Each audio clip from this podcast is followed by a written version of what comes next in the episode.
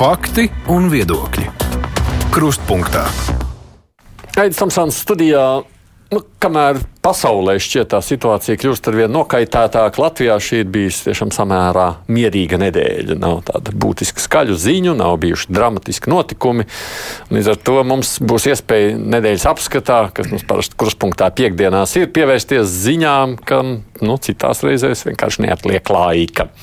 Nu, protams, arī par nemierīgo pasaules notikumu atskaņām runāsim. Raidījumam ir pieslēgusies arī man otrs kolēģis Mārija Ansons. Sveika, Māra, tev! Nedzirdu, tu tur runā gan labi, bet mikrofonu arī ieslēdz, kad saki kaut ko. Sveiki!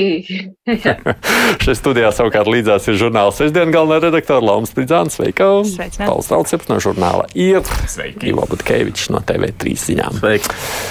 Nu, jā, par tām pasaules notikuma atskaņām runājot, droši vien lielākoties ir jāpiemina tās ziņas par spriedzi Rīgas Traģiņu universitātē starp viesstudentiem. Mums arī brīvā mikrofonā viena klausītāja zvanīja un sacīja, ka nu, tur būtu jābūt nulles tolerancei, ja kaut kas atklājas, ka patiešām tur sādi veidojās nesmuki un tiem studentiem vienkārši jā. at- Jāatstāja Latvijas univers- Rīgas Traģiņu universitāte un Latvija vispār kā tāda. Bet tā kopumā vispār sākumā paskatoties, jūs kaut kā izjūtat uh, Latvijā šo spriedzi, kas valda Izrēlā uh, kara dēļ, Palestīna un Eiropā. Mēs redzam tās daudzās demonstrācijas un visu pārējo. Nu, spriedzi tādā nozīmē, ka, protams, ka ziņām sekojam līdzi. Mm. Bet, um, lai teiktu, ka kaut kur sabiedrībā kaut kāda tāda liela viļņošanās noteik, notiktu, es nezinu, varbūt tas mans burbulis varbūt nav tāds, kur, uh, kur tas tā vairāk tas ir tieši šo ziņu kontekstā, ka tieši par ziņām tiek runāts un, uh, un, un spriests, kas un kā. Bet uh, ne, ka tā būtu tāda ebre- naidu runa. Ebreji jau arī mums Latvijā ir, un gan jau kādi palestīnieši arī, bet tā īsti nenonāk līdz mums. Un es arī domāju, tu pieminēji par, par uh, RSO. Es domāju, ka tur tā reakcija no universitātes puses bija ļoti adekvāta, ka viņi to nepieļaus, ka, mm, ja sāksies kaut, kādi, kaut kāda naida runa un kaut kas tam līdzīgs, tad vienkārši mm, tādiem studentiem nav vietas uh, augstskolā. Es domāju, ka tas arī tādā veidā ir jārisina. Tur neko citu arī nevar. Mm, Paul? Godīgi sakot, nebūtu ko piebilst. Nu, vienīgais sociālos tīklos, protams, ik pa brīdim ir kaut kādas tādas saķeršanās, bet, nu, teiksim, cik lielā mērā tas atspoguļo to, kas tiešām notiek sabiedrībā. Tas ir, tas ir cits jautājums, lai gan, nu, diemžēl mēs zinām, ka nu, tas, kas notiek sociālos tīklos, dažkārt var arī pāraugt reālā rīcībā, bet, nu, šajā gadījumā neliekas, ka tāds ir. Domāju, ka, nu, nu, Latvijas sabiedrībā Protams, tā cilvēkiem nav pilnīgi vienots viedoklis šajā jautājumā. Man liekas, ka te arī diezgan liela loma spēlē paudžu atšķirības. Jo man liekas, nu, man liekas, ka vē- cilvēkiem, kas varbūt ir nu, teiksim, tā, vecāki par 35, 40, varbūt ir li- lielāka noslēdz atbalstīt Izraels. Man, ka teiksim, jaunākos cilvēkos uh, simpātijas par palestīniešiem varētu būt drusku lielākas, bet, bet te, nosaukt to par spriedzes diez vai varētu. Ka, zin, kā, kāpēc tu domā, ka tā atšķirība paudžu ziņā varētu būt? Nu, es, t- tas tāds vērojams vienkārši. Es Jā. tā skatos, ka. Nu, es, kāpēc? es nezinu, tas, protams, nav balstīts nekādos zinātniskos pētījumos, bet uh, man liekas, ka, teiksim, ka cilvēki, kuri vēl. Pirmkārt, atcerās uh, Arābu valstu uzbrukums Izrēlai. Man liekas, ka arī, teiksim, protams, tāpēc, ka Padomu Savienība atbalstīja ļoti spēcīgu Arābu valsts, tas dabiski radīja kaut kādas simpātijas vismaz latviešu publikā pret Izrēlu savā veidā. Pēdējos gados tie cilvēki, kas ir auguši, nu, kas ir 20 līdz 30 gadi, viņi to neatcerās, bet savukārt viņi visu laiku ziņās redz uh, to, kā Izraela izturās pret palestīniešiem rietumkrastā, kas, protams, ir, nu, tas nav akceptējami daudz tās lietas, ko Izraela tur ir darījusi, par to arī nav šaubu. Uh, tas, ka Izraela ir, nu, Netanjahu vadībā atteikusies principā no šī divu valstu risinājumu, nu, praktiski, ja, kas arī nav pareizi. Nu, teiksim, viņi tās tie priekšstati rodas citā kontekstā, un man liekas, es domāju, ka tas ir arī zināmā mērā jūtams, lai gan tur tas, es teiktu, ka tas, ja tas pāraug tādā, nu, nekritiskā skatienā uz to, ko Hamas ir izdarījis, tas, protams, ir pilnīgi nepieņemami, jo tas Hamas pastrādātais ir vienkārši drausmīgs. Nu, mums tāpēc, ka mēs esam tālu no Izraels, tāpēc tas līdz mums tā īsti neat. Nu, Skan. kaut kas ir politiskās aprindās, varbūt uh, tiek uh, izmantot iespēja pozicionēties pret nu, konkrēto jautājumu, un tas bieži notiks politikā. Bet nē, es domāju, ka gan tas, ka mēs esam tālu, gan tas, ka mēs neesam tik multikulturāla sabiedrība, lai mums būtu tik aktuāli, cik tas ir uh, uh, Rietumē Eiropā, kur tiešām bijusi citāda migrācijas politika un viss pārējais. Un, uh, tur, protams, tā sociālā spriedze, nevis sociālā spriedze, bet vienkārši spriedze sabiedrībā ir krietni augstāka. Nu, mums varbūt tiešām neskaitot kaut kādās atsevišķās šūniņās, kur varbūt tiešām šie augstskolu jautājumi kaut kas tam līdzīgs var parādīties, bet tādā kopējā sabiedrībā es domāju, ka trīsnieks nav par tām pašām augstskolām. Nu, tur man šķiet, arī tas risinājums ļoti vienkāršs. Ja mm. tur kaut kas tam līdzīgs atklājas, tad uh, pirmkārt ārā no augstskolas, otrkārt, nu, vai nu, tā ir vīza vai kāds cits papīrs, kas tas ir bijis, un anulējumi ar to nu, nav vietas arī Latvijā, ne tikai augstskolā šādiem cilvēkiem. Mm. Nu, man jau pieņemsim, brīvajā mikrofonā es arī nemanu nekādas. Vismaz tajās raidījumos, kad es vadu, varbūt Mārija, tu vadi, tev tur parādās vairāk. Nē, nē, man arī nekas tāds neparādās. Patiesībā šis jautājums ārkārtīgi maz tiek apspriests arī brīvajā mikrofonā. Un kopumā es, nu, tas, ko Ivo nu pat arī minēja, ka Latvijas sabiedrība nav tik multikulturāla, mums nav tik daudz atbraucēju no musulmaņu valstīm, lai šeit veidotos kaut kāds liels īpatsvars cilvēku, uh, kuri varētu iet demonstrācijās, kur varētu paust viedokli. Jo nav jau, nu, teiksim, tā tās mūsu viedokļa atšķirības ir tādas, ka kaut kādas Hamas atbalstītāji, protams, te nav vai kāds, kurš novērtētu, ka tas viņa pirmais iebrukums ir labs, kā bija vietas, kur līksmoja par to.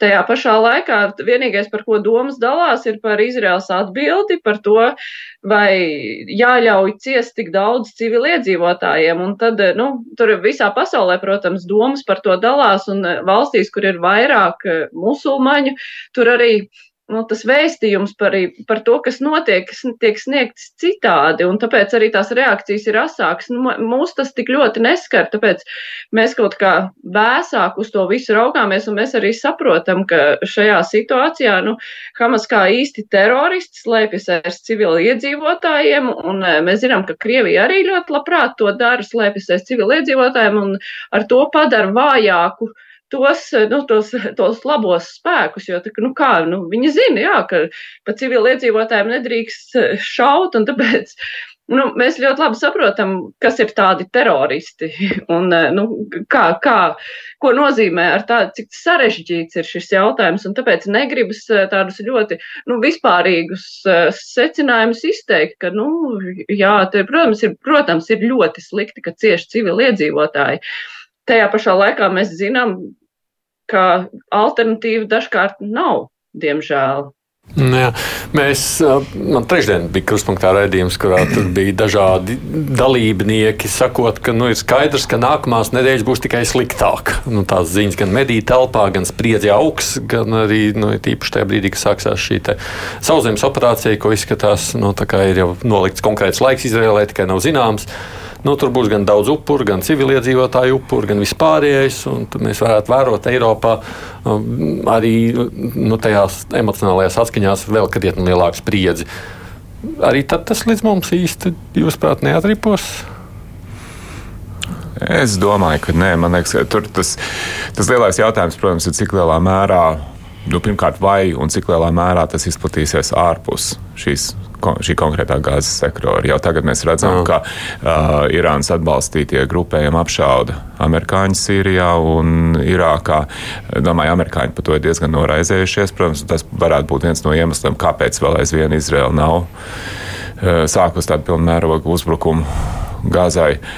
Uh, jā, un tas, man liekas, tās starptautiskās sekas, bet tas atkal ir drīzāk saistīts ar valsts drošību, nevis tā kaut kāda mūsu iekšējo sabiedrības sašķeltību vai kaut kādu domas, domu dalīšanos. Mm.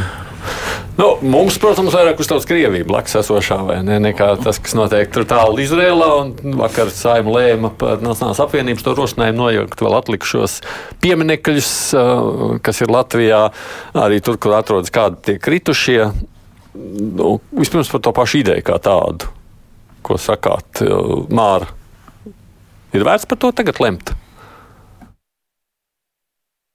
Tā nu es atkal mikrofonu brīdi izslēdzu. Sen jau vajadzēja par to lemt, jo es vispār brīnos, ka ir tik ārkārtīgi daudz nu, tāda veida pieminekļu viskaut kur. Nu, es paskatījos tā īsti televīzijas sižetus, un, jo nu, man šķiet, ka tas pat nav īsti līdz galam apkopots, bet skaidrs, ka tādiem vieta nav Latvijā. Un nu, tagad ir iemesls, kāpēc šādus pieminekļus vajadzētu aizvākt. Par tām piemiņas vietām vai, vai apbedījumiem, pareizāk sakot, kas atrodas ārpus kapsētām. Nu, jā, es, es zinu, ka Jūrmalā ir tāda, tāds, tā ir tāda interesanta vieta, kas bija, ap citu, šogad, tā, kad bija viss aizliegts, tad tur bija ļoti daudz braucēji uz tiem brāļu kapiem, kur ir tikai padomu karavīri, ja nemaldos. Un, un nu, tās ir tādas strīdīgas vietas, vai to pārebedīšanu vajadzētu. Nu, Es nezinu, man liekas, ka tu, tur ar to pārvedīšanu gan varētu sākties eh, tracis, bet tas, ka tos pieminekļus vajadzētu aizvākt, nu, tas, tam, tam jau sen vajadzēja notikt. Tu atstāt tikai plāksnīt ar uzrakstu? Kādā ziņā plāksnīt. Nu, ja, tur, ja tur ir apbedīti, nu tādā ziņā tas Nē, piemineklis tā kā ir kapa piemineklis. Tur jūrmalā, kur ir tie brāļi kapi, tur nekāda pieminekļa arī nav. Tur arī ir plāksnīts ar uzrakstiem un ir, ir eh, daudz tādu brāļu kapu. Vis, nu, tie nav tikai padomju karavīri, tie ir arī vācu karavīri, kur ir, bet, eh, bet tos eh, pieminekļus, kas ir nu, tik ļoti padomju stilā, nu, nu tiem, tiem nav vietas Un, manuprāt, tie pieminekļi nevienmēr atrodas eh, kaut kur, kur ir kapi. Tā kā tā, mhm. tās, tās vietas ir iedēstītas viskaut kur. Nu, tur gan es saprotu, tur, kur nebija apbedījumi, tur jau tā kā tika lemts, jau tagad ir paliks pa tām vietām, kur ir apbedījumi. Viedoklis atšķirsies. Eh, es nezinu, vai kapos šie pieminekļi tik ļoti traucē. Iespējams, ka tur vajag, bet, nu, protams, jā, to ir ļoti grūti nodalīt, kuras ir kā, veidojas kā, kā tādas kulta vietas un, un, un kur nāk, tur nezinu, slavināt un taisīt padomi laiku un taisīt mītiņus, un kur, ir, kur varbūt tās tiešām ir apbedījums un, un tiešām nāk cilvēki tikai pieminēt. Bet man laikam, es kapus laikam neaiztiktu, man šķiet, ka kapi ir kapi, um, lai guļ tie, kas tur guļ. Un, un, un tur varbūt tādu lielu ažiotāžu ap to taisīt nevajadzētu. Bet nu, tur, kur ārpus kapiem apbedīt, nu, daudz tur līdz tas lielais stāsts. Jā, tur, tur, jā ārpus kapiem es piekrīstu, ka, ka ārpus kapiem tur, tur vajadzētu domāt, kā to situāciju risināt. Paul? Jā, es, tā, mans viedoklis daudz neatšķiras no Lāras teiktā. Es uh, gan domāju, ka te. Um, tā, kad par šo visu jautājumu sāk runāt, ļoti aktīvi diskutēja par upīšu pieminekli, kas tagad drusku ir pierims. Nu, bet, tas bet, ir cits stāsts. nu, bet, bet, nē, bet es atvainojos. Upīšu piemineklis ir uzcelts nevis viņam kā rakstniekam, jo viņš kā rakstnieks varbūt nebūtu pelnījis tik lielu un pompozu pieminiektu, bet viņam tieši kā padomu ideoloģijas atbalstītājiem. Un tas, ka tas vēl aizvien tur stāv, manuprāt, es par to esmu daudz gadus brīnījies, un nu, es nezinu, kāpēc šis jautājums nav kustināts uz priekšu. Tur, tur, jo, bet ir jāatzīst, ka teiksim, tas upītis ir viens no gadījumiem, kas parāda, ka katrs šis jautājums ir jāvērtē individuāli. Jo, teiksim, jo mēs varam teikt, ok, bet labi, bet tad Čaks, jā, nu Čaks jau arī rakstīja dejojas slavinot padomu varu un tā tālāk.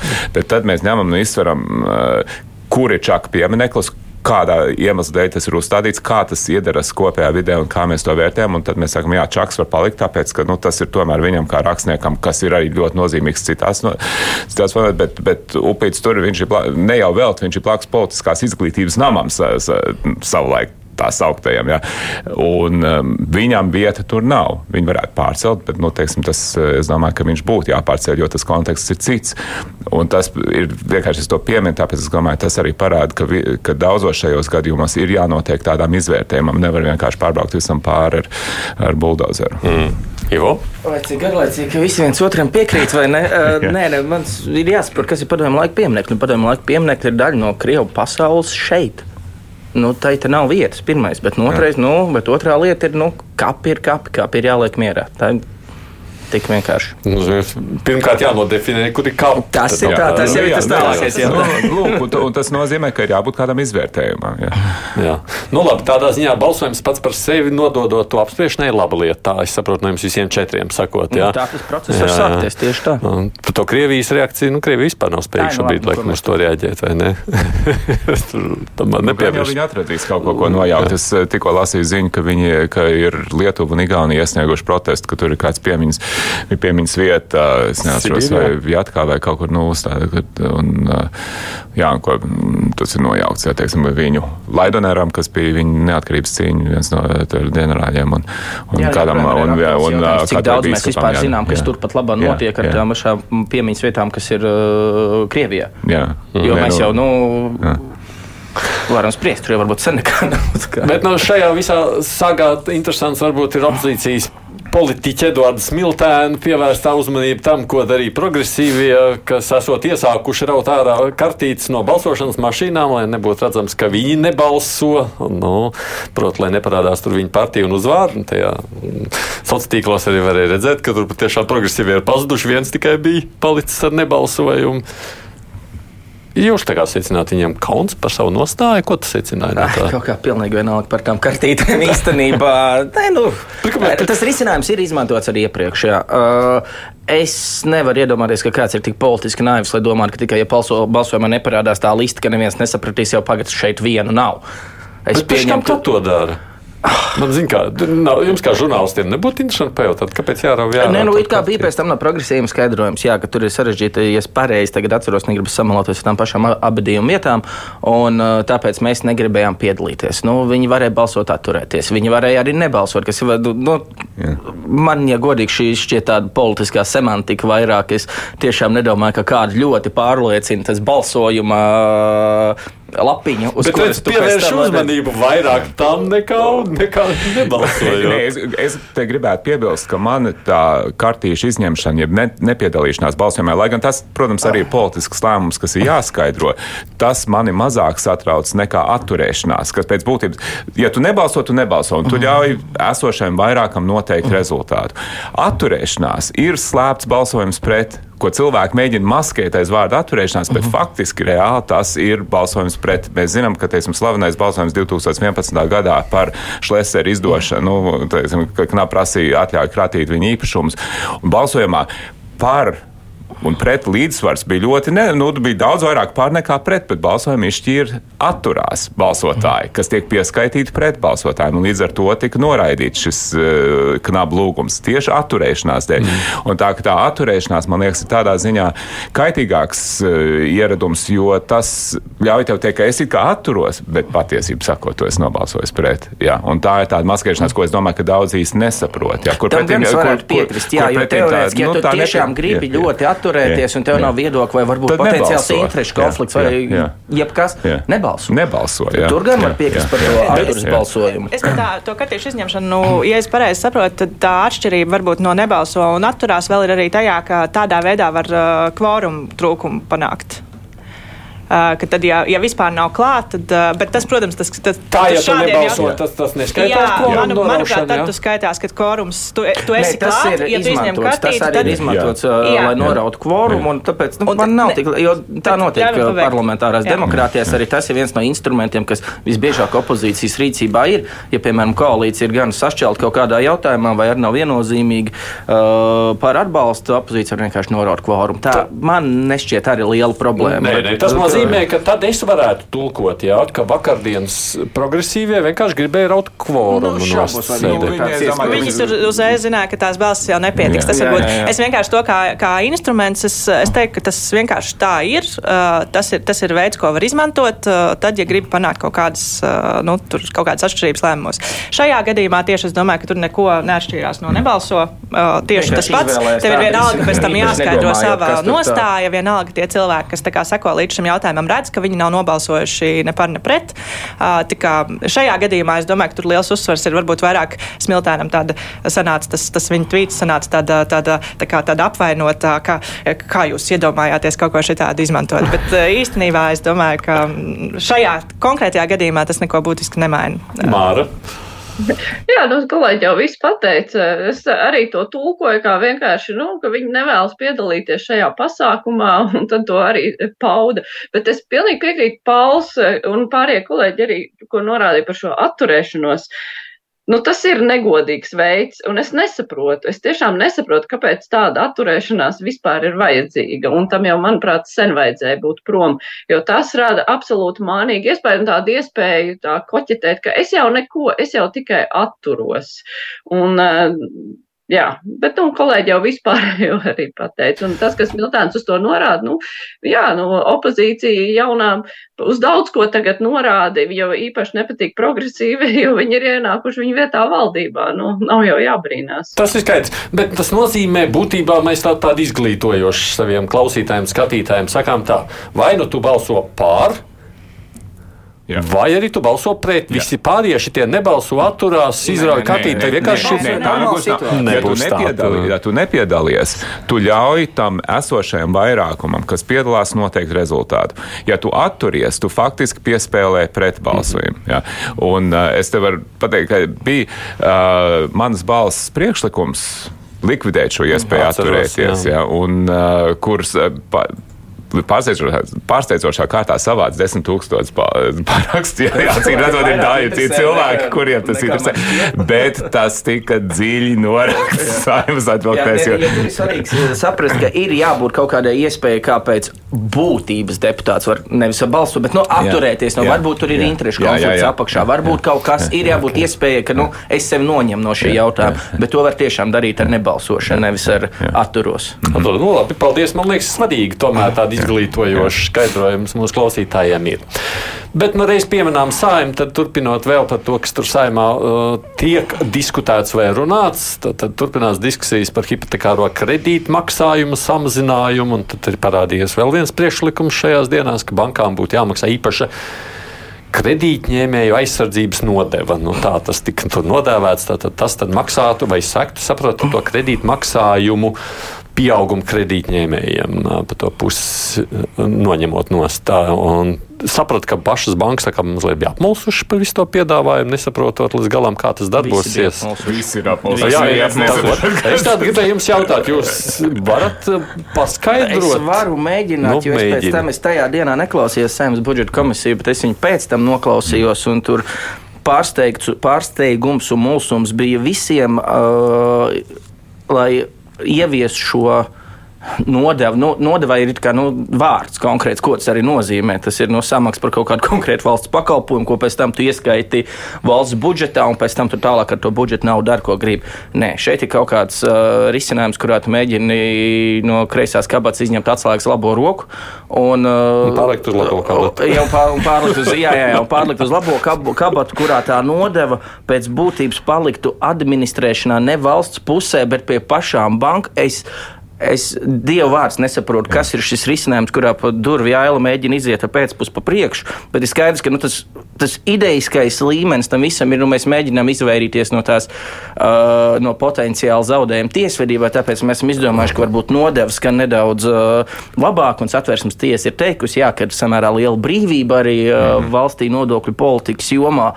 Bet nu, tas Un arī starp deputātiem uh, budžeta komisijā bija liels mulsums, ko tas īsti nozīmē. Vai tā tad to atbalsta programmu uh, administrēs valsts, bet nē, tas vienkārši paliek pašu banku pusē. Un, Viņi, es pieņemu, ka viņiem pašiem ir tāds necepts, nevārīgs tas risinājums pagaidām, tāpēc viņi arī šonadēļ nebalsoja neko saimnes budžeta komisijām ā, atlikt uz nākamo nedēļu. Jo kāda tā naudas kustība, teorētiski tevi nodeva, tev vajadzētu tai naudai kustēties kaut kādā virzienā, piemēram, uz budžetu, un tad tālāk tur administrē šo ā, atbalstu. Ko man īsti nepatīk, to sauc par atbalstu, pēc būtības tā ir tirgus intervence. Mēs vienkārši regulējam cenu. Tā ir tirgus intervence pēc būtības, kas ir šis risinājums pārgalvīgs, drosmīgs, stulbs. Tur tā robeža dažkārt ir šaura, un katrs pats var izvēlēties, eh, kurā pusē eh, tam eh, nostāties. Bet nu, nu, nav tā, ka to nevar mēģināt. Nu, mēs regulējam kaut kādas jomas, mums farmācijā regulējam uzcenojumu zālēm. Nu, var jau mēģināt, bet nu, tas tiesas risks ir samērā augsts. Un tas, kad mēs atopamies, nu, līdz, bet nu, beig, beigās jāsaprot viena lieta. Izmantojot nepārāk literāru vārdu, pašas bankas ir dadzīvojušās līdz šim. Vienkārši tā attieksme ir bijusi, atļaušos teikt, bezskaunīga. Visu šo gadu sarunās ar valdību, sarunās ar klientiem. Uh, uh, es pieņemu, ka ir citi žurnālisti dzird pietiekami daudz šos individuālos stāstus, vai no paziņām, vai no draugiem, vai vienkārši no tiem, kāda ir attieksme, kad klients aiziet uz banku un palūdz varbūt pārskatīt kaut kādus nosacījumus kredītam. Nu, ja pašas bankas nenāk pretim, nu, tad ir šāds risinājums. Nu, riskants valstī, bet nu, kaut kas laikam jau jādara. Nu, jā, man liekas, ka teiksim, tas, ko deputāti ir sapratuši, viņi nu, budžeta komisija pati ierakstīja likuma projektu pirmā lasījuma anotācijā, ka šis draud valstī ar tiesvedību, kas varētu izmaksāt simtiem miljonus eiro, ja teiksim, valsts budžetām. Ja, nu, ja viņi paši to apzinās, un ta, tas ir nenormāls risks, simtiem miljonu eiro mēs riskējam par šo likumprojektu. Nu, tas ir nenormāls risks, manuprāt, un tu, tas, ir, nu, tas ir nepieļaujami, ka iet uz tādu risku. Bet tad ir jātur, bet es piekrītu, ka bankas ir, uh, nu, nav izrādījušas labo gribu, ja pat Latvijas banka publiski saka, ka bankas nav nākušas pietiekami pretī un ka ir pamatoti ņemt kādu daļu no šīs lielās peļņas, ko, viņi ir, ieguv, ko ir ieguvušas šajā pēdējā gada laikā, lai palīdzētu cilvēkiem, kur šis kredīta likuma pieaugums ir radījis nu, nesamērīgu slogu. Nu, tas norāda uz to, cik tālu mēs esam nonākuši, ja pat Latvijas banka to saka. Atceries, ka mēs pat jā. par visu sākumā bija pret virspēļņas nodokli, tagad mēs esam aizgājuši soli tālāk. Jā, jā. šajā nu, visā stāstā. Bet, bet redz, ka, teiksim, ko man liekas, tie deputāti mēģina tagad kaut kādā veidā, un, un es, ne, es nedomāju, ka tur ir labs, ka viņi var atrast labu risinājumu, bet viņi mēģina savienot divas ļoti grūtas savienojamas lietas. No vienas puses, viņi grib, lai bankas maksā. Ok, labi, to varētu izdarīt ar šo uh, avans maksājumu, to varētu izdarīt ar virspēļņas nodokli, dažādi veidi. Bet viņi tajā pašā laikā grib, lai nevis tā nauda iziet caur valstu un tad tiek izmaksāta kā atbalsts, bet lai katrs tas kredītņēmējs redz, ka viņa tajā ikmēneša rēķinā ir samazinājusies. Tā ir bankas nauda pēc jā, būtības. Jā. Tas ir tas, viņi, viņi grib, lai no vienas puses bankas maksā, bet otrs puses, lai ir šis te. Un tāpēc ir šis te ļoti grūti saprotamais nodevas piedāvājums. Jo sākumā viņi darīja kaut ko, kas ir skaidrs, kas tiesā zaudēt. Viņi vienkārši pateikt bankām, jums ir, jūs prasat mazāk. Okay. Nu, tas ir diezgan, es domāju, visiem ir skaidrs, nu, ka tas neteiktu, ka. Mums ir satversmes tiesas samērā pat pārsteidzoši nu, sociāldemokrātiski nu, institūcija bijusi. Nē, bet, bet, bet, bet, bet, bet, bet, bet te ir divas problēmas. Viens ir samērīgums, ja? teiksim, tas ir cik lielā mērā, jo teiksim, tas priekšlikums ir, ka pēc būtības visiem tas pienāks, nevis tikai tiem, kuriem tad, iespējams tas ir vajadzīgs. Un uh, tas otrs ir, nu jā, teiksim, tas, tas, nu, tā, tā mērķēt, nu, cik tas ir mērķēt jau uz, teiksim, tiem, kuriem ir lielākā mērā. Un, teiksim, šeit, šeit ir problēmas. Un tad līdz ar to, ja izdarīt tā, ka, teiksim, ka valsts paņemt un samaksāt, bet nu, negrib tā. Nu, tad viņi ir izdomājuši to nodevu, kur administrē tās bankas pašas. Nu, kā tas darbosies? Es nezinu. Es, nu, tur mēs esam jāgaida nākamā nedēļa. Skaidrs, ka risks ir augsts ļoti jā, jā. tiesvedībā uh, atrasties neveiksmīgajā pusē un pēc tam no budžeta to kompensēt. Bet es nedodu ne pieci, ka otrdien jau tad, nākamā otrdiena jau tas priekšlikums būs uh, vēl kaut kā modificēts. Jā, citās, jā. Tur, tur tiešām mūsu bija tāds, ka maz jā. nelikās visiem budžeta komisijā, kas tas tāds tagad ir. Es te būšu politiķu pusē, un, uh, un man liekas, to mūsumu ļoti skaidri izskaidro viss tas, ko jūs tikko pateicāt. Proti, politiķiem ir skaidrs, ka kaut kas ir jādara. Bankas, es pat teiktu, skarbāk, nevis nav izrādījušas labo gribu, viņas ir reāli palaidušas garām iespēju uh, parādīt, ka viņiem arī uh, viņu kredītņēmējs ir svarīgs. Uh, šajā gadījumā nu, politiķiem kaut kā ir jāizgrozās. Viņiem kaut kāds risinājums ir jāatrod. Ar lielāku, mazāku risku viņiem tas ir jāatrod. Uh, tāpēc vienalga, kāds tas priekšlikums būs, es ceru, ka tiks kaut kas pieņemts un kaut kādi soļi tik, notiks un, un, un tiks iet uz priekšu, tāpēc tas ir jautājums, kas pārāk ilgi jau karājas gaisā. Un tas, ka tas, nu, tās diskusijas šajā gadījumā arī nu, tie ikmēneša rēķini jau pienāk tie, mm. tas cilvēkiem neko nerisina, kamēr notiek diskusijas. Tas jau ir tādā. Un man vēl īpaši ciniski liekas šī banku attieksme par to, ka. Um, Mums nav problēma ar kredīt, nu, kredītņēmēju maksājumiem. Visi maksā. Ja, nē, nē, tā tad problēma nav. Nē, nē, nu, ka, kas tie vispār skaidrs, ir par argumentiem? Bet, uh, kā, kā mēs vispār varam par kaut ko tādu? Es īstenībā es vairs neticu, ka to vilcienu var noņemt no slēdēm. Es biju pārsteigts par, uh, nu, akāli teicu, nosauksim to par drosmīgu lēmumu. Varam izvēlēties ar citus vārdus, kaut ko tādu virsīt. Es neticu, ka, ir, uh, ka politiķi varētu būt drosmīgi divreiz un noņemt šo lēmumu nost situācijā, kurā tu jau esi pateicis, ka nu, mēs virzāmies uz šādu ideju nu, tagad ieslēgt atpakaļ gaitu un pateikt, lūdzu, balsojiet par mani vēl kaut kad arī īsti nevarēs.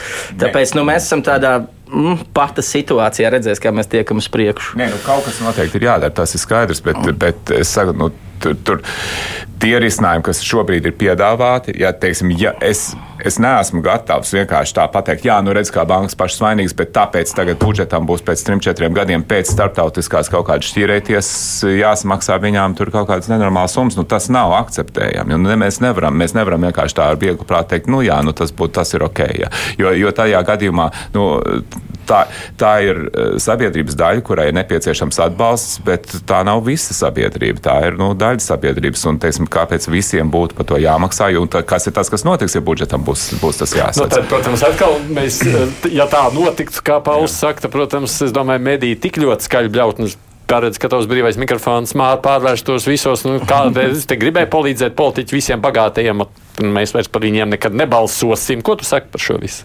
Tie, tie, tieši tāda ir arī ļoti daudz cilvēku uzskats, kāpēc mums ir par tiem bagātajiem kredītu ņēmējiem jāmaksā. Tas ir tas, ko es esmu dzirdējis pārsvarā no brīvā mikrofona klausītājiem, bet uh, kopumā es, tas, es, es nesaprotu, kāpēc vajadzēja visu šo pasākumu tik ļoti samudžināt tā vietā, lai sākumā pie, pieņemtu jau no paša sākuma kādu lēmumu, kas, kur nebūtu šis tiesvedības risks pēc iespējas, jo tas, ka tas pirmais lēmums ir ar lielu iespēju, ka bankas tiesāsies, nu tas jau izskanēja vēl pirms nodošanas komisijām, un uh, tad ir jautājums, uh, tad ir jautājums, kāpēc vajag iet tālāk un mēģināt to visu apgriezt vēl mazliet savā nesaprotamāk, un man gribētos dzirdēt kādu nu, neitrālu, nevis banku juristu, bet kādu juristu uh, atzinumu par to, nu, cik liels tad, uh, nu, ko tas maina tīri no tiesvedības riska šis, jo, nu, Pagaidām es saprotu, ka tie ir tikai pieņēmumi, ko saka viena vai otra puse, bet ir, Es bet, bet, to, ja drīkst, to riska nu, lielumu es īsti nesaprotu. Bet, ja mēs skatāmies, nu, tā kā tu teici, sākumā, kur nebūtu tas tiesvedības, tā pasaules tātad praksa šobrīd viena daļa no valstīm izvēlas tā saucamo virspēļņas nodokli. Tā ideja būtu apmēram tāda, jā, nu, tad no bankām noņem nostur kaut kādus 100 miljonus un sadala, jā, tiem kredītiem. Nu, jā, piemēram, nesadala. Lietuva vienkārši paskatījās, o, nu, Lietuva paņem budžetā, jā. Jā, viņi paņem budžetā un viņiem nav. Bet var jau taču sadalīt. Var, protams, ka var. Un tad jā. nebūtu tiesvedības risks. Un, un, un, un tad nebūtu tiesvedības risks. Nē, nu, ja tu vienkārši. Tiesvedības risks ir vienmēr. Nē, nē, nē, nē, tie, nē nu, jā, bet, bet ja tu vienkārši uzliec kaut kādu, nu, piemēram, tas, kas bija to avansu nodokli, es domāju, ka tur diez vai, nu, es vispār neesmu dzirdējis, ka tur būtu tiesvedības risks, ka šo avansu nodokļu maksājumu. Jā. Un tad varētu, pie, un būtu ļoti uh, akceptējami pateikt, piemēram, ka uh, daļu no šito hipotekāro kredītu maksājumu ieliek kā neapliekamo ieņēmuma nodokli. Nu, teiksim, tā kā maksā ieņēmuma nodokli, teiksim, tas ir neapliekamais. Un tā, tu, tā, līdz ar to tu, samaksā, tu samazini savus ienākuma nodokļu maksājumus. Ja? Nu, daudz, daudzās, valsts dabū naudu, jā, mazāk. Jā, viņi, jā. Viņi, viņi samazina savus ienākumus, bet to kompen, to no kompensē no bankām. Un nebūtu, un nebūtu problēma. Nekāda, nekāda tiesvedības riska nebūtu tādā gadījumā. Tas, kas man tajā visvairāk mulsina, mēs te sēžot trīs žurnālisti, varam nonākt pie kaut kādiem iespējamiem risinājumiem. Labi, tur droši vien ir detaļas, par kurām vēl tur būs juristi, tāpēc jāuzmanās ar mūsu es spriedumiem. tieši par to, ka laikam tas, kas, tas gan ir tā, nu, pārsteidzoši, ka tās diskusijas notiek jau tiešām ilgi, un ka taču ir tieši tā ir juristi, kas, kas var piedalīties, ka, nu, ka kādēļ tas risinājums joprojām nav tāds, kas. Uh, Mēs, mēs tomēr daudz maz apmierināmies. Mēs piedāvājam tādu. Mēs to līdz būsim izstrādājuši, un varbūt, ka politiski pārņems mūsu ideju. Nākošajā nedēļā jau. Problēma, kas varbūt bija tajā idejā, kāpēc Saimnes budžeta komisija izdomāja iet to pēc būtības tirgus intervences ceļu, ir tas, ka. Nu, Ja tu vienkārši paņemtu ar nodokli, tu visticamāk varētu atrapties situācijā, kurā bankas vienkārši palielina pakalpojumu izmaksas saviem klientiem, un pēc tam to naudu paņem atpakaļ tāpat tikai citā veidā. Kurā gadījumā mēģinās paņemt to? Jā, jā, jā, jā, jā, jā. Bet nu, šajā situācijā tev ir kāda nu, tā garantija, ka tad viņiem uz pusi tiešām samazinātos tie maksājumi.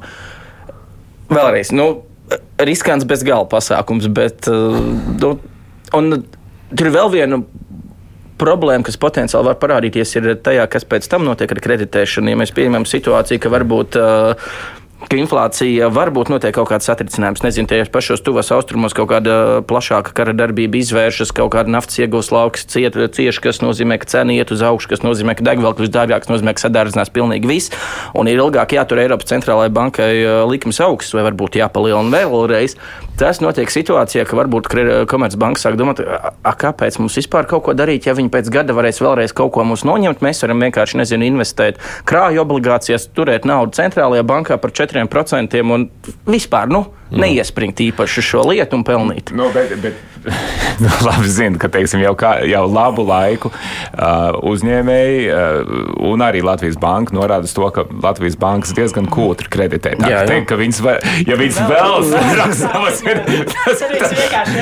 vienkārši, tad viņas vienkārši sēdētu un uh, griezt kuponus par komisijas naudā. Nē, nu man, teiksim, šis ir uh, saistīts, bet nedaudz cits jautājums. Un te man liekas, uh, es gribētu redzēt konkrēto piedāvājumu, bet pirms pāris dienām vismaz redzēju virsrakstu, ekonomikas ministrija ir nākusi klāja, nu, viņi ir izstrādājusi likuma projektu, kā stipri atvieglot un galvenais palētināt iespēju kredītņēmējiem pāriet no vienas bankas uz otru. Un redz, es domāju, ka tā ir tā viena no tām būtiskām problēmām, kas par spīti tam, ka mums ir 13 bankas, ja 4 lielas un pārējās tādas vidējas vai mazas, um, ka tā konkurence mm. reāli nefunkcionē. Tur dažādu iemeslu dēļ, bet, bet šis, būtu konkrēt, šis būtu ļoti konkrēts solis uz konkrētu sveicināšanu, kas ir galvenais veids, jo, jo tās bankas, ja turpinās esošā situācija, viņas jebkurā gadījumā varēs izdomāt visādus veidus, kā to naudu atgūt, nu, teiksim, pa kaut kā pa sānu. Nu, teiksim, jā, jā, bet Latvijas bankas informācijas laikam bija tikai jā. 2% hipotekāro kredītņēmēju, kas, nu, tā teikt, nostaigā jā. starp bankām un nu, visu kredītu, jo tas process ir birokrātisks, dārgs, un, ja to atvieglot, tas varētu kaut kā varbūt iespērt pa to jā. konkurences nu, skudru pūzni. Jā. Par konkurenci arī tūlīt turpināms, tikai atgādinu, šeit ir Pauls Rauceps no Īrivo, Butkevičs no TV3, Lauma Spridzāna no Sestdienas un Mārija Ansona no Latvijas radio. Raidījums Krustpunktā. Nu jā, un te pieminētais uh, konkurences trūkums banka sektorā, šeit parādās arī tās runas par to, ka vajadzētu jau tad varbūt. Uh, nezinu, Altumam kļūt par vienu pilnvērtīgu vai pilntiesīgu banku spēlētāju, un tad, ja mums ir valsts banka tādā veidā, nu redzi, nu redzi, nu redzi, ir vienreiz bijusi. Nu, vai tas mm, līdz ar to tā neveiksmīgā pieredze neliek, neļauj vispār šajā virzienā domāt? Nē, nu, no finanšu krīzes mēs ko parasti atceramies pareks. Bija mums tāda ar Latvijas hipotēku un zemes banka, kas aizgāja pa burbuli, un pēc tam tur kaut kā transformējās altumā, sāk sākumā izpārdodot savus komercaktīvus citām komercbankām. Nu, ar tieši tādu pašu pamatmērķi mēs kreditēsim, varbūt, kas bija. Nu, augstāka riska uzņēmums, kur varbūt uh, pašas uh, privātās kredītiestādes uh, to nedara, varbūt jā, vairāk reģionos un kaut ko tamlīdzīgu. Nu, nav jau nekā jauns zem saules, tas viss ir bijis jautājums, manuprāt, nav tik ļoti par ideju, cik par izpildījumu. Nu, var jau darīt visu kaut ko. Nu, jā, jautājums, jautājums ir par izpildījumu. Jā, jautājums, ja, ja, ja to izpilda, jā, detaļās neredz kaut kādu. Nu, es nezinu, es esmu ļoti skeptiski par šo ideju. Bet, uh, nē, nu, gan tas, ko Ivo pieminēja, gan tā, tā pieredze, kas ir bijusi, gan arī tīri idejiski. Man tomēr liekas, ka tās, tās lietas, kas ir privātajā sektorā, kad valstī tur nav īsti tāda nu, tādā veidā. Jā, kādreiz, tas, bet sakām. tas, kā Altums šobrīd tur varbūt varētu padiskutēt vēl par kaut kādiem instrumentiem atsevišķām sadaļām, bet principā tas, kā Altums šobrīd darbojas, uh, ja to varbūt vēl kaut kā izvērst un paplašināt, tad es teiktu, ka tas efekts būtu, manuprāt, lielāks un varbūt mm. drošāk nekā nekā, nekā tādā veidā. Bet nu, es šeit ļaušu zinošākiem cilvēkiem. cilvēkiem. Es, es arī esmu atturīgs. Es domāju, ka vispirms ir jādara viss, lai veicinātu konkurenci esošajā situācijā. Un tur pārāk maz ir darīts, un tur, nu, es jau minēju šo mm. ekonomikas ministrijas priekšlikumu, man liekas, ir citas lietas, kuras varētu darīt, kas mazinātu banku vēlmu. Un, nu, kad mazināk viņa iespējas vienkārši sēdēt, neko nedarīt un pelnīt par to, ka viņas nodrošina iespēju pārskaitīt no viena konta uz otru, jā, un teiksim, piespiest viņus vairāk teiksim, meklēt šīs peļņas iespējas kreditēšanā. Uh, tas, man liekas, ir jāizdara vispirms. Un, ja tāds neko nevar izdarīt, nu, nu ok, tad var būt, bet, bet pirmkārt šai iestādē jāsaņem ir uh, bankas licence, kas varbūt nebūtu Protams. tik vienkārši. Jā, jā, jā. Un uh, es pieņemu, ka arī Eiropas komisija paprasīja, kāds nu, pierādiet, kāpēc ir nepieciešams mm. valstī iet šajā tirgu, ja jums jau ir 13 bankas. Ja kā, nu, kā tas ir, ka jums nav konkurence 13 bankām mm. savā tirgu? Jā. Ne, nu, to, to pašu droši vien, ko jau Latvijas banka visu uh, gadu postulē, to pašu arī droši vien varētu stāstīt. Ten kaut kāda loma tur valstī varētu būt, un, piemēram, bet, jā, vai tas ir tas tā ir politiska izšķiršanās vienkārši, vai iet tādu komercbankas ceļu. Kaut kāda loma konkurences veicināšanā skaidrs, ka valsts ir, piemēram, valsts krāju obligācijas, kas parādīsies kā jēdzīgs risinājums un alternatīva uh, komercbanku termiņu noguldījumiem, jo pat labam krāju obligācijas Jā. joprojām nodrošina lielāku ienesīgumu nekā Jā. top 4 mūsu lielās bankas nodrošina saviem termiņu noguldījumiem. Tur laikam kaut kādi vairāk nekā 200 miljoni eiro tagad jau ir uh, ielikt šajā finanšu instrumentā. Nu, ja tas iet vēl vairāk uz priekšu, skaidrs, ka bankas redz savā galā aizplūstam depozītus un domā, ah, nu, pak, pak, pak, varbūt mums ar kaut ko vajag darīt. Tā kā nu, valsts loma par maz arī nevajag novērtēt, bet tas, nu, bankas risinājums tas ir jā, tāds uh, atkal varbūt jau galējāks, bet, nu, ja nekas nemainās no ako citu. Mm -hmm. Māra, tev doma līdz tevīm arī atnākusi no taviem studiju viesiem? Nē, nu, es vienmēr uh, atceros, nu, teiksim, jau tā paskatoties, kā konkurences padomu ir vienmēr cīnījusies ar uh, nu, to, to, ka pašvaldības, piemēram, dibina kaut kādus uzņēmumus, kur tāpat varētu strādāt. Un tur tas pamata arguments ir, ja tev pakalpojumi var nodrošināt tāpat privātais, tad tev nav jātaisa, jāiegulta publiskā nauda kaut kāda tā paša pakalpojuma nodrošināšanā. Tas nekad nav bijis nepieciešams. Ja būtu tukša vieta, tad jā. Uh, nu, bet tas ir, ja runā par kaut kādām tādām pilnu spektra bankām, par atsevišķiem pakalpojumiem no valsts puses, nu, var būt kaut ko, bet uh, es nezinu, Ivo pateica labu piemēru par tām krāju obligācijām, ka tur ir tāda, nu, ka tas ir tāds viens konkrēta lieta, kas tiek piedāvāt. Var jau būt, ka var arī kredītu izsniegšanā kaut kā tā noformēt, bet eh, es nezinu. Kredīts jau izsniedz altumu tikai nu, jautājums, vai tur tajā esošajā politikā vajag vai kaut ko palabot, nu, piemēram, ar Komercbanku starp, nu, iesaisti uh, izsniedz to visu. Ir skaidrs, ka kaut kādas problēmas tajā visā tirgu ir. Nu, mēs visi esam dzirdējuši nu, par to, cik bankas veiksmīgi kreditē jebkādas, nezinu, mājokļu būvniecības 100 km no Rīgas. Mm -hmm. nu, tas pats ir ar reģionāliem uzņēmumiem. Skaidrs, ka negribu te nevienu uzņēmumu reklamēt, bet tiem mūsu industrijas flagmaņiem pakaļmet nu, kredītus, un tad tur tiešām tā konkurence ir. Bet, ja tu esi mazāks, nezinu, mazāk rūpnīca, kur domā, varbūt varētu uzlikt vēl vienu līniju un tagad mēģināt attīstīties, un esi kaut kur reģionos, nu, tur kaut tā problēma, ir višķiņa citādi jau. Mm. Viena pavisam maz pamanāma ziņa starp citām šonadēļ bija tā, ka Covid vairs nav bīstama infekcijas slimība. Mm. Izrādās, ka mums tā pandēmija izgaist kā tāda rīta migla. Atceros, nu, tajos gados mēs, man liekas, tikai katru piekdienu runājām par covid, neko citu. Jā, jā. Bet toreiz viss teica, pasaule nekad vairs nebūs tāda kā agrāk. Es, es negribu piekrist, ka izgaist kā rīta migla. Es teiktu, ka izgaist uh, ļoti lēnām un, un, un tās ziņas vēl ilgi cirkulēja. Tagad šī, šī bija laikam tāda pirmā ziņa, ka tiešām bija runa par to, ka tas vairs nav bīstami.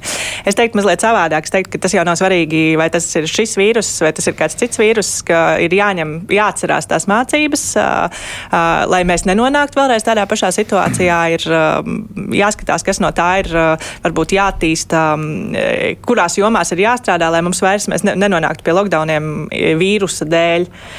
Nu, tā kā es domāju, būt pat mācība, nu pasaki kādu. Nu, varbūt preču saraksts netaisīt, piemēram. Nu, nu, varbūt mums bija tik daudz fantastiski ierobežojumu izdevuma tajos laikos, ka varbūt nu, ir kaut kādas mācības, ko tur apkopot un saprast, ka okay, šis strādāja un šis acīm redzot bija stūris. Un mm. nu, kaut kā to sakomplektēt. Toreiz teica, ka vēsture rādot, ka pandēmijas ik pa 70 gadiem. Kā tur preču saraksts pēc 70 gadiem? Nē, nu, tieši, tieši par to, ka vienkārši. Es esmu šāds prognozes. Skaidrs, ka, ka, ka tā situācija var atkārtoties. Tajā nozīmē, ka tas var būt atkal cits vīrus tas ir nu, tas vienkārši jāņem vērā. To nevajag aizslācīt kā, nu, kā šis jau arī laikam var iespējams vēl kaut kā mutēt uz negaidītu pusi, lai gan mums jau tās bažas laik bija māra. Atceries nu, vecos laikus. Mutēt jau, protams, var, bet ne, galvenais, ka šo ziņu nepārprast kā tādu, nu, ko noteikti kāds jau ir pārpratis, ka Covida nav un Covida nebija un viss bija māņi un morgi. Nu, galvenais, lai cilvēki pie šī nepieķerās. Tas, ka jebkura infekcija jebkura pandēmija reiz izbeidzās, nu, pilnīgi loģiski. Un tāpēc, nu, cerēsim, ka, lai gan, ko mēs daudz atceramies, nu, cik nu vēsturnieki ir papētījuši, kas notika ar pandēmiju vēl pēc Pirmā pasaules kara, tad arī noteikti bija kaut kādas mācības, kas tika gūtas, kuras viss godīgi simts gadu laikā aizmirs. Nu, tā kā būs nākamā, tad droši vien, arī šīs mācības viss aizmirsīs. Bet, jā, nu, labi, ka pandēmijas šobrīd, ka Covid vairs nav bīstams. Tas ir ļoti patīkami. Un tad man ļoti arī tas, ko tu pieminēji par to, ka pasaule vairs nebūs tāda kā iepriekš. Tas jau tajā brīdī likās mazliet tā pārspīlēti, bet ņemot vērā sociālo tīklu laikmetu, ļoti cilvēkiem patīk tā ārkārtīgi eh, spēcīgi izteikties, ka viss Visa, visa pagātne ir izsvītrota, tagad sākas viss pa jaunam. Nu, mums patīk spilgt izteikt. Bet toreiz jau tā, tā tīra sajūta bija, redz, mēs tur skatījāmies kaut kādām bildēm, ka visi koncertā sēdēja viens otram blakus un teica, redz, šādi vairs nekad nebūs, jo tagad sapratīsim, ka vienmēr vajag divu metru distanci. nu, bija tās sajūtas. Nu, jā. Nē, nu, ir noticis tas, ko, uz ko daudzi jau tajos pirmajos mēnešos tā kā cerēja, ka Covid ir pārvērties par kaut ko, mm, kas ir līdzīgs gripai. Ja? Nē, Gripa nav uh, Viegla slimība. Jā, jā, ir cilvēki, kas mirst no gripas, ir vēl aizvien cilvēki, kas mirst no covid. Jā. Uh, ir iespēja potēties gan pret gripu, gan pret covid, ko pārāk maz cilvēki izmanto, uh, jo tas tomēr ir sevišķi riska grupām būtiski samazina iespējas uh, smagi saslimt vai nomirt. Tā ka tas noteikti ir jādara. Un es domāju, ka no tā viedokļa varbūt šī ziņa pat ir nevēlama, jo viņi vēl mazāk vēl vairāk teiksim, rada cilvēkos tādu iespēju, ka nu, man par to vairs nav jāuztraucās. Lai gan par gripu visu laiku ir bijis jāuztraucās. Jā. Mēs, domājam, mēs, visi, mēs visi pazīstam cilvēkus, kas ir miruši no gripas. Jā, teiksim, tā, tas ir, tā, tā nav tāda lieta, kas būtu vienkārši jāignorē. Bet mēs esam nonākuši stadijā, kur tāpat kā pēc tās spāņu gripas, ja kā nu, tagad arī mēs esam tādā, kur pietiekami daudz cilvēkiem ir pietiekama nu, kaut kāda tāda uh, izstrādājusies imunitāte, ka, teiksim, ka tas vairs nav pandēmijas līmenī, bet tas nenozīmē, ka tas vairs nav bīstami. Nē, nav tā labā ziņa, ka Jā. viss sliktais veids pāriet. un, un, un es, gribētu, es gribētu vēl pieminēt par to, kas ir mainījies. Es domāju, ka tomēr tas, arī tas, ko mēs tagad runājam par inflāciju, tās ir sekas Covidam zināmā mērā, jo teiksim, tas, tā mhm. piegāžu ķēžu pāraušana un tas viss, kas teiksim, tā uh, ekonomikas pārkārtošanās, kas notika tajā laikā, kas bija diezgan būtisks trieciens globalizācijai, kas šīs cenas sama, turēja zemā līmenī, mēs vēl aizvien ar to cīnāmies arī šajos nu, ECB lēmumos par inflācijas samazināšanu. Tā tālāk, tur, protams, nāk klāt arī teiksim, karš, bet, jā, nu, bet, bet, bet, bet, bet drukāšana no ECB jā, jā, un, vēl viens un, faktors. Un, jā, tā ir skaitā. Ņemot vērā, ka visai pasaulē vajadzēja nedaudz jā, uzdzīvot ar miljardiem jā, jā, un skaitā, jā, kvantitatīvās mīkstināšanas programmas diezgan jā. aktīvas kaut kādu gadu triju, četru laikā. Nu, ne tikai kvantitāte, nu, cilvēkiem taču ieskaitīja nenormāls naudas summas. Tas ir fiskālā jā, teiksim, politika, jā. viens no iemesliem, teiksim, kāpēc Amerikā bija tik milzīga, un, un arī pie mums, mm. es domāju, tā inflācija daļai tāpēc, ka cilvēks saņēma ļoti daudz, nu, kaut vai tie maksājumi par katru bērnu skolā, ja tie 500, kas aizgāja daudz no tiem, mēs redzam, kā ir pieauguši maisaimniecību noguldījumu bankās, kas tieši arī, teiksim, Covid laikā diezgan strauji pieauga, kas nozīmē, ka daudz cilvēku saņēma naudu, kas viņiem faktiski nebija nepieciešama tēriņiem. Tā ka tur nu, ar šīm sekām mēs vēl aizvien sadzīvojam, vai nu, teiksim, mēs ar viņām cīnāmies. Covid ir beidzies, bet nav beigušies. Sekas nav beigušās, jā, Māra.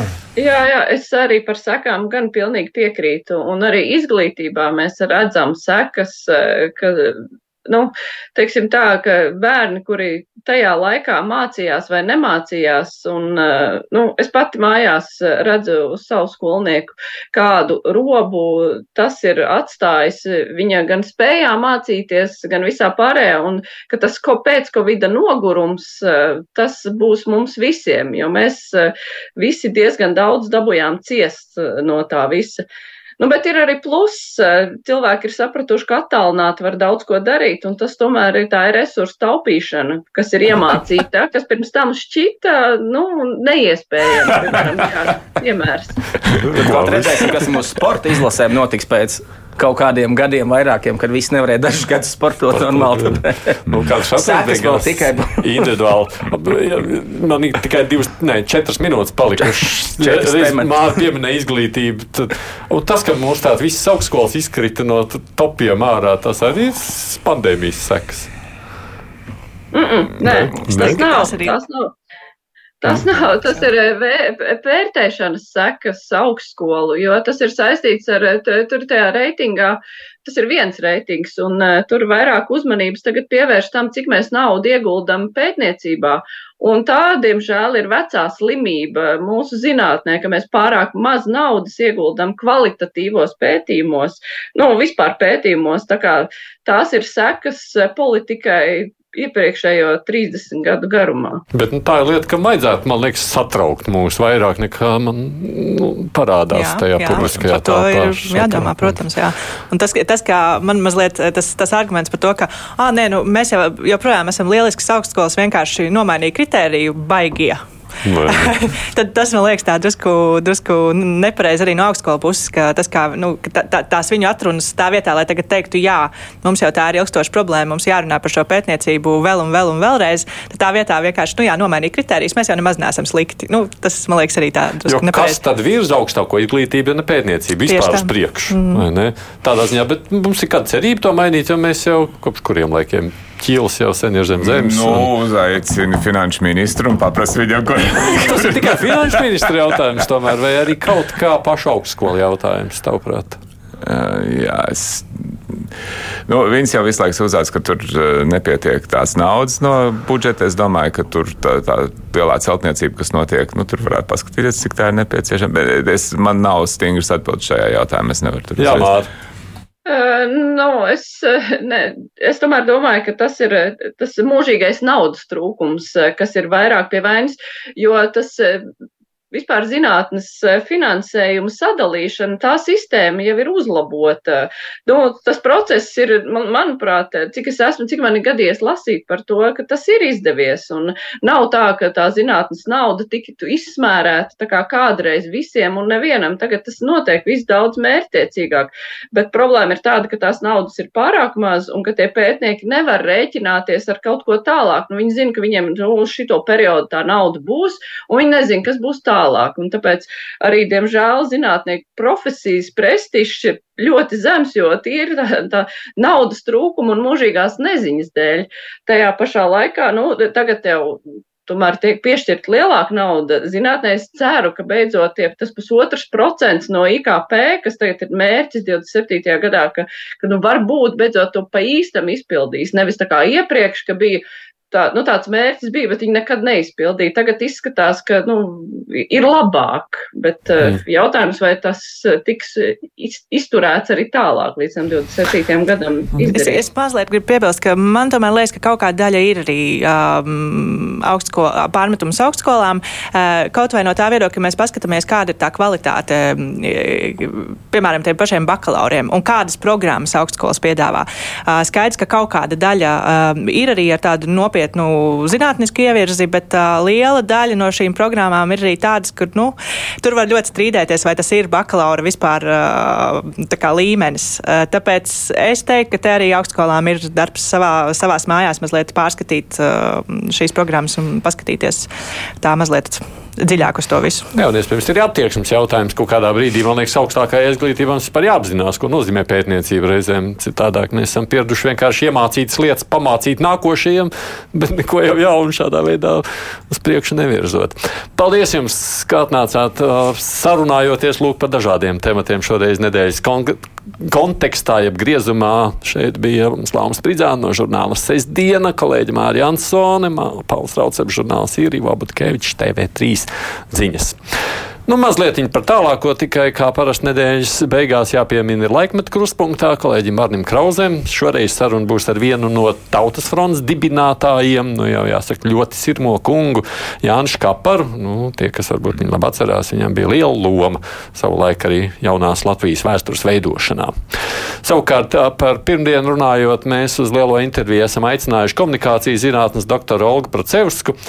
Nu, te nu būtu droši vien dažādi aspekti jāpiemina, kas interesē intervijas sakarā būs runājami. Arī karš, kā mēs redzam, netiek izcīnīts tikai ar ieročiem rokās. Karš ir arī par informāciju, par cilvēku prātiem. Tāpēc ir svarīgi arī saredzēt, kā šajā karā iesaistās valsts, valdības politiķi un ne tikai pasaulē, bet arī Latvijā mums ir politiķi, kas nu, to aptver un izmanto naskāk savā politiskajā darbībā. Ir tādi, kas šķietam pat arī netiek ar situāciju galā.